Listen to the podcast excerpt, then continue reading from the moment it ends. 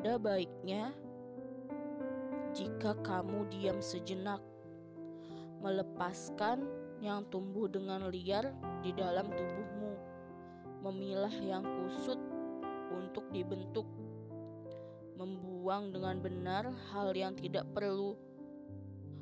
Dirimu cukup untuk tahu dunia sedang tidak baik, tapi tidak cukup hanya tahu bahwa dirimu tidak baik-baik saja.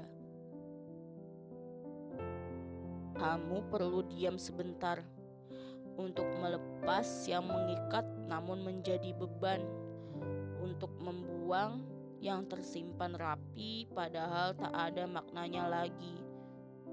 Tubuhmu memang sangat kuat untuk berjalan jauh.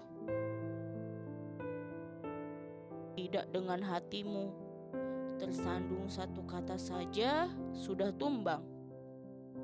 Lalu, buat apa tubuh yang kuat dengan hati tak cukup sehat? Kamu perlu diam sejenak, menyusun kembali yang terserak, merapihkan yang rumit. Kamu perlu diam sejenak, bernapas dengan bumi, menikmati udara yang menghidupimu setiap hari. Kamu perlu diam sejenak untuk paham bahwa diam bukan hanya untuk orang lain, tapi juga untuk dirimu sendiri.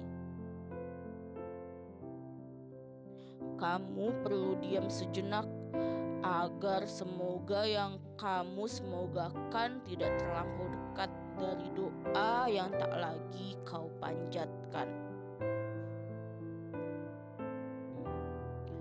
menjadi semoga penghujung Mei 2021.